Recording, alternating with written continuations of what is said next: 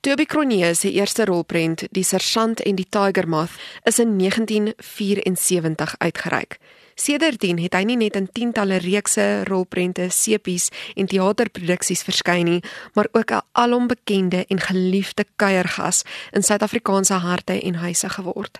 Hy kuier vandag hier in Marula Media se ateljee om oor sy lewe, loopbaan en jongste fliek Hans steek die Rubicon oor te gesels. Welkom hier by ons Toby. Baie dankie. Jy kuier al vir dekades in die harte en huise van mense in jou flieks en jou reekse in jou teaterproduksies. Jy is eersdaags in nog 'n heerlike fliek te sien. Vertel ons 'n bietjie meer daaroor.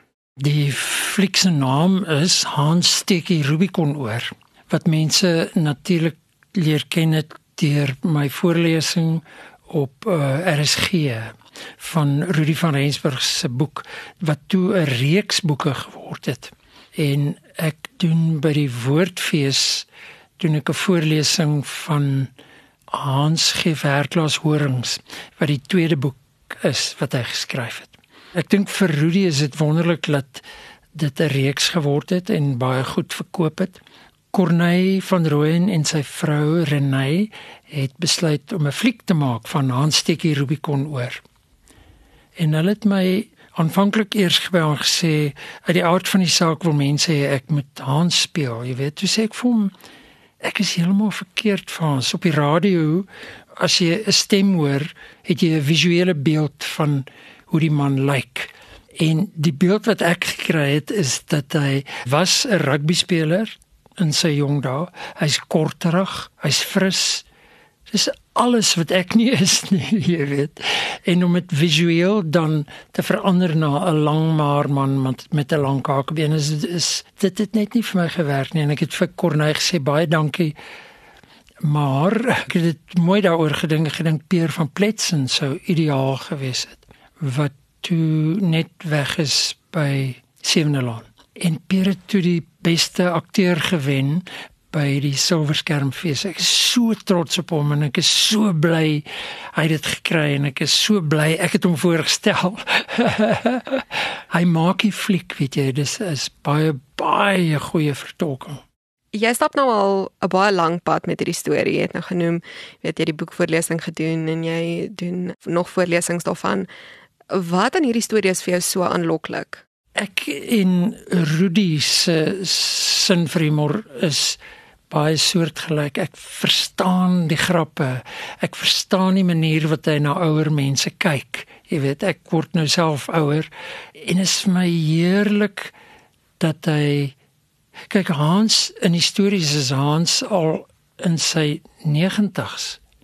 Maar hy's nog baie baie aktief. Jy weet, ek dink is bietjie oordrewe, maar daar is mense wat nog baie aktief is in hulle 90's. Dis 'n wonderlike manier om na ou mense te kyk, net om te sien dat hulle nie in 'n kassies gedruk moet word nie. 'n Mens se vryheid is baie belangrik en om dit te verloor, fisies verloor ons dit as ons ouer word. Maar om dit geestelik te verloor is nie nodig nie. Dis net as jou kinders sê nee, jy moet nou in daai ouer huis gaan bly. Hans steek die Rubicon oor is 'n alombekende verhaal in veral leserskringe. Hoe het dit gevoel om lewe in hierdie geliefde karakters van die boek in te blaas? Dit was my nogal regtig baie maklik omdat Rudy dit so goed geskryf het. Die oorplasing na die fliek was moeiliker, jy weet want mens moet 'n boek wat ek dink ek kan nie mooi onthou nie maar ek dink hy 63 episode, kort episodetjies gehad. Terwyl die fliek moet jy 'n storie binne 'n uur en 'n half kan vertel, 2 ure op die langste. So dit was alles baie baie verkort. En daar's klein dingetjies wat mens nie in 'n fliek kan doen nie wat jy wel in die boek kan doen. So dit is meer van 'n uitdaging geweest, maar is baie lekker nogtans geweest. Veral om met Corneille te werk, jy weet as regisseur. Dit was hy hy het mens aangemoedig en vryheid gegee en tyd gegee. Hy was altyd kalm, hy was altyd 'n goeie by. So ek het veilig gevoel by hom. Jy het al genoem dat jy by aftrede se deur gestaan het voordat jy hierdie fliek aangepak het. Wat was die rede vir die ommekeer? Die aftrede ding was half geforseer want daar het nie meer werk ingekom nie, weet, veral met COVID en so aan. En toe ek gedink, hmm, as ek my lewenstyl baie afskaal, dan sal ek dit moontlik kan bekostig. En toe kom Corneille met die aanbod en toe dink ek, ag, nou ja, kom ek probeer maar nog een keer, jy weet. En dit was so heerlike ervaring. En toe besef ek ek is in my bloed en in my bene is ek 'n akteur. Ek word geïnspireer, ek word lewendig wanneer ek toneel speel. Ek geniet dit so veel en ek sal net ek besluit ek sal nooit ophou nie. Al trek af, jy weet dit sal dalk stiller gaan en minder ek kan al minder en minder woorde leer. ek sê enig iemand moet hier wat die woorde vir my sê. in 'n fliek. Ek moet eintlik vir Rudy kry om 'n rol vir 'n tweeling te skryf. Dan kan die een baie praat en die ander een kan niks sê een legende na die ander is in Handsteek die Rubicon oor te sien. Hoe was dit om saam met hierdie uiteenlopende en ongelooflike rolverdeling te werk? Dit was absoluut wonderlik. Kyk, ek het al heelwat saam met Sandra Prinsloo gewerk. So ons ons was soos twee ou chommies wat bymekaar gekom het. Ek is baie baie lief vir haar. En June van Merwe het ek ook al mee saam gespeel wat ons laat mekaar lag, jy weet. Sy is so hysteries, maar uiters professioneel ook. Ek bewonder haar baie. Nicola Hanekom het ek nog nooit mee saamgewerk nie en sy sy was wonderlik. Ek het so baie by haar geleer want weet jy Mens dink op die vloer terwyl mens skiet. Dink jy, "O, dit werk nie mooi heeltemal nie." Sy oordoen dit dalk bietjie of onderdoen dit.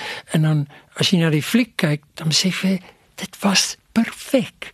Jy weet so al is ek nou amper 75 leer ek nog baie. En Pierre van Pletsen het, ek ook mee gewerk. Ek dink ek het soms al gespeel klein rolletjies maar saam met hom gewerk as regisseur. Hy het baie van die klugte wat ek ingespeel het, het hy geregisseer en ek het sy kop ook 100% verstaan. Dit het deesdae ongewoon geword vir flieks om op die silverskerm te gaan draai. Hoe voel jy daaroor dat Hans steek die Rubicon oor wel daardie draai gaan maak? Ek is baie opgewonde daaroor want dit is definitief 'n heeltemal 'n ander ervaring as dit as om dit op 'n TV-skerm te kyk. Meeste mense se TV's is nie so groot nie. Eh, of jou selfoon, jy weet, om in 'n fliek te sit en dit van A tot Z te kan kyk sonder onderbrekings, sonder advertensies, sonder iemand wat jou skakel op die selfoon of jou hond wat pla of iemand wat die deur aan die deur klop.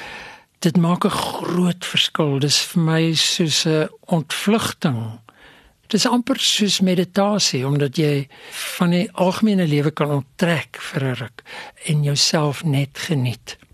En al eet jy hande vol popcorn, is dit ook goed. Jy weet.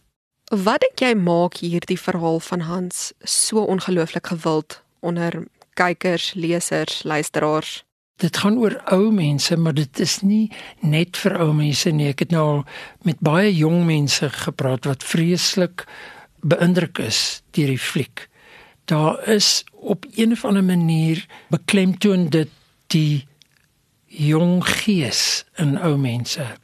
En dis wat die jong mense sien, dink ek. En dis baie belangrik. Ek dink dis basies Die humor is natuurlik fantasties en die fliek het ook ernstige oomblikke wat ander mense weer dit geniet. Dis die feit oor wie en wat ou mense eintlik is wat die algemene publiek vang. Toby ek wil 'n bietjie gesels oor jou. Jy is 'n ongelooflike geliefde mens en akteur in Suid-Afrika. Almal het 'n gunsteling Toby Kronee fliek.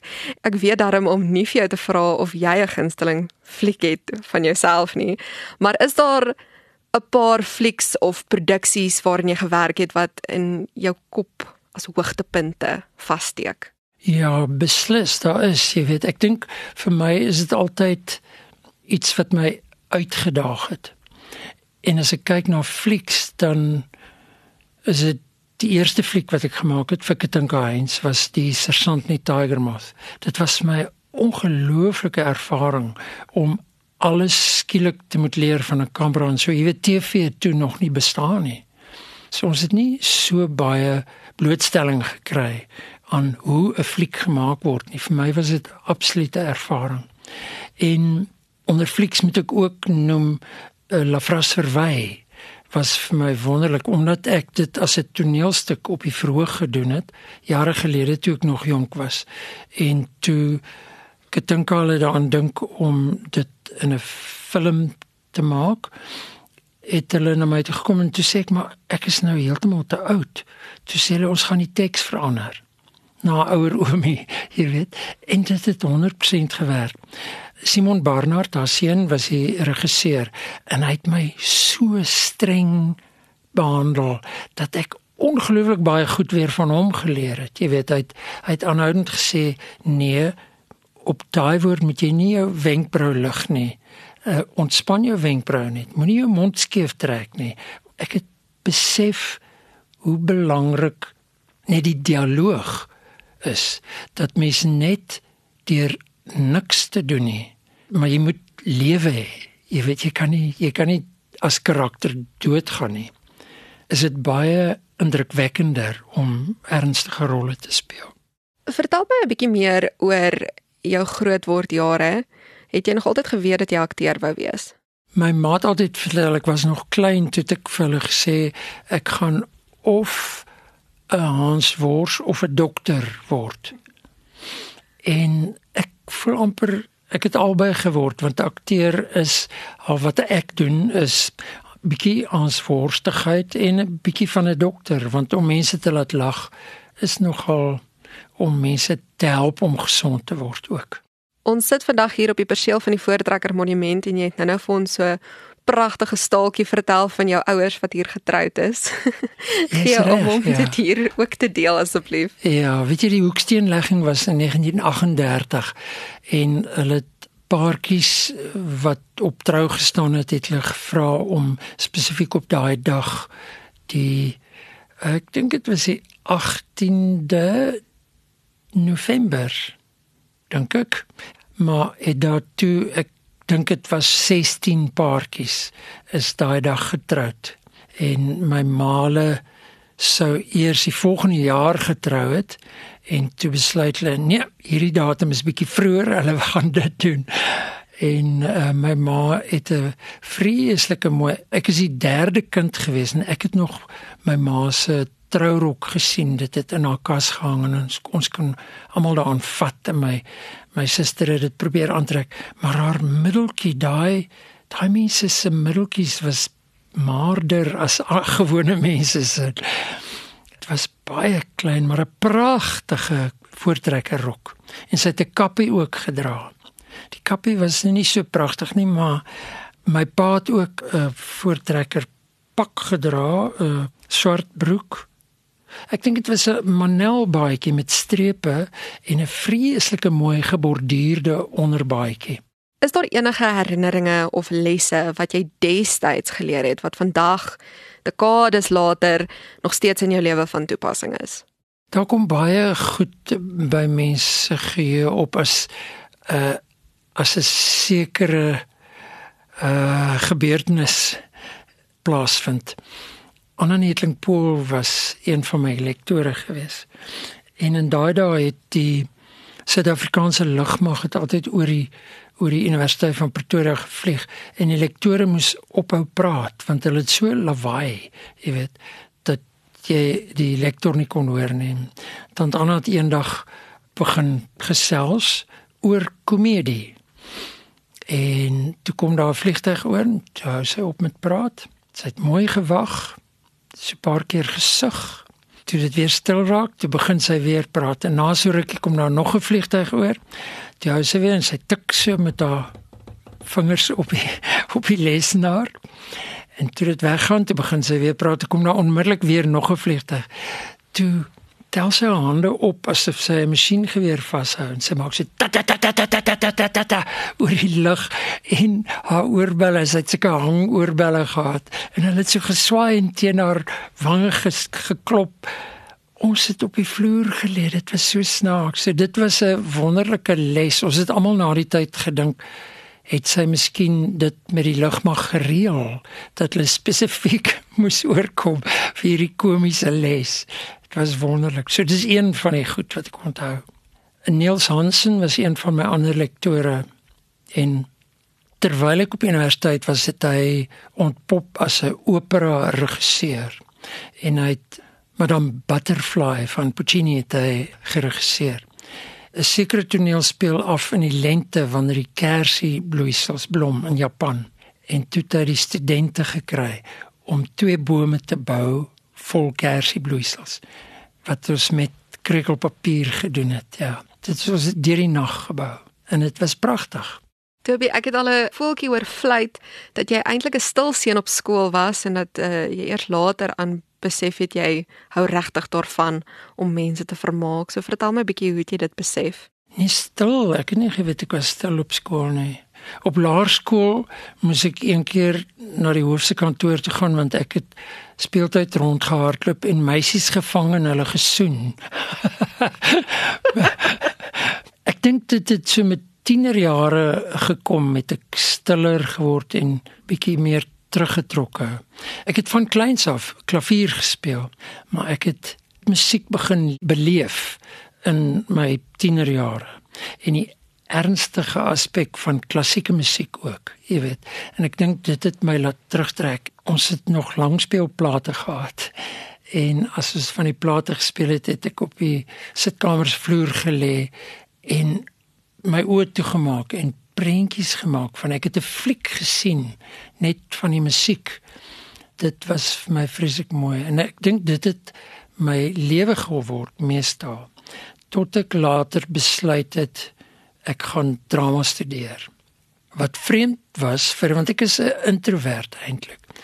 Maar hulle sê meeste akteurs is introverte, maar hulle hulle leer om 'n vals karakter na vore. Dit met wie jy nou praat is 'n vals karakter om dan meer ekstrovert te kan wees.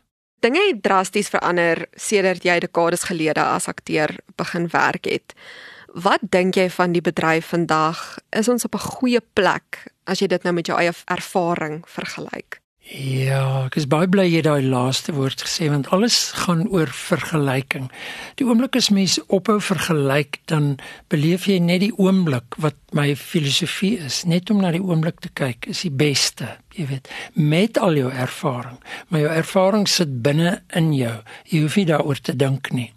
Maar as ons nou terugdink, voel ek ek en ons het net nou gepraat oor Gerben Kamper saam met week ou toppies gedoen het op die verhoog wat baie ons het lank getoer daarmee dit was baie suksesvol. En ons het 'n tyd beleef toe ek uit universiteit uitgekom het waar die streeksrade bestaan so ons kon audisies doen as jy goed genoeg was het jy 'n jaar se kontrak gekry en as jy goed genoeg was het jy nog 'n jaar se kontrak gekry of 5 jaar kontrak of jy het voltyds vir hulle gewerk of het, maar jy was verseker van werk Deesdae is mense nie meer verseker van werk nie. Die jong mense moet baie harder werk.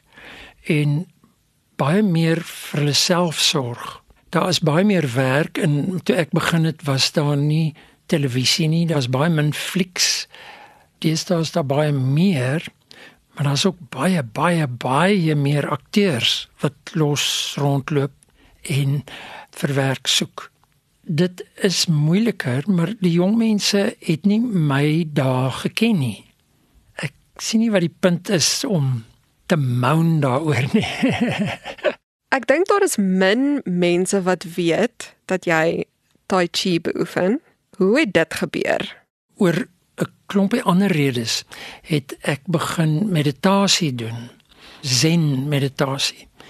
En een van die mense in die groep was 'n uh, tai chi beoefenaar. En alhoewel sy onderwyser vir hom gesê het hy mag nog nie klas gee nie, het hy privaat vir my begin klasse gee by my huis 3 keer 'n week. En ek was so opgetrek daarmee. Weet jy dat ek ek het gevoel elke oomblik wat ek verveeld is, het ek tai chi geoefen en probeer memoriseer. Dis baie memoriseerwerk ook om die vloei van bewegings te kry. As ek lank in 'n ry moes staan by Pick n Pay, het ek tai chi begin doen en dan mense vir my gekyk, maar ek nie omgegee nie. Ek het my ekstrovert kappie opgesit. Wat is jou lewensuitkyk vandag? Dit is baie belangrik om ontspanne te wees en om nie te hard te probeer nie. Die lesse wat Zen mens leer is dat daar Zen sê alles is nie een nie en nie twee nie. So alle moontlikhede bestaan terselfdertyd. So as jy ontspan, laat jy toe vir enigiets om te gebeur. Vir al die regte ding sal met jou gebeur. Moenie beoordeel nie. As dit iemand anders kan skade doen, moet jy beoordeel, maar moenie dink aan jouself te veel nie. En net so ter afsluiting, wil ek net so draai teruggooi na Hanssteek die Rubicon. Mm, jippie. Waar en wanneer kan mense hierdie fliek kyk? Hanssteek die Rubicon oor open in teaters, dis algemene fliekteaters op die 29ste September. Ek hoop mense gaan dit regtig sien. Dis dis vir my baie vreemd dat dit my soveel lekker kry gee, weet want ek is oor 'n akteur is mens raak baie afgestomp en krities oor foute. En Hans is nie foutloos nie, maar dit is so die fliek het so 'n goeie gevoel en het my so lekker laat voel dat ek dit graag met almal wil deel. So almal wat luister hierna, gaan kyk Hans steek die Rubicon oor.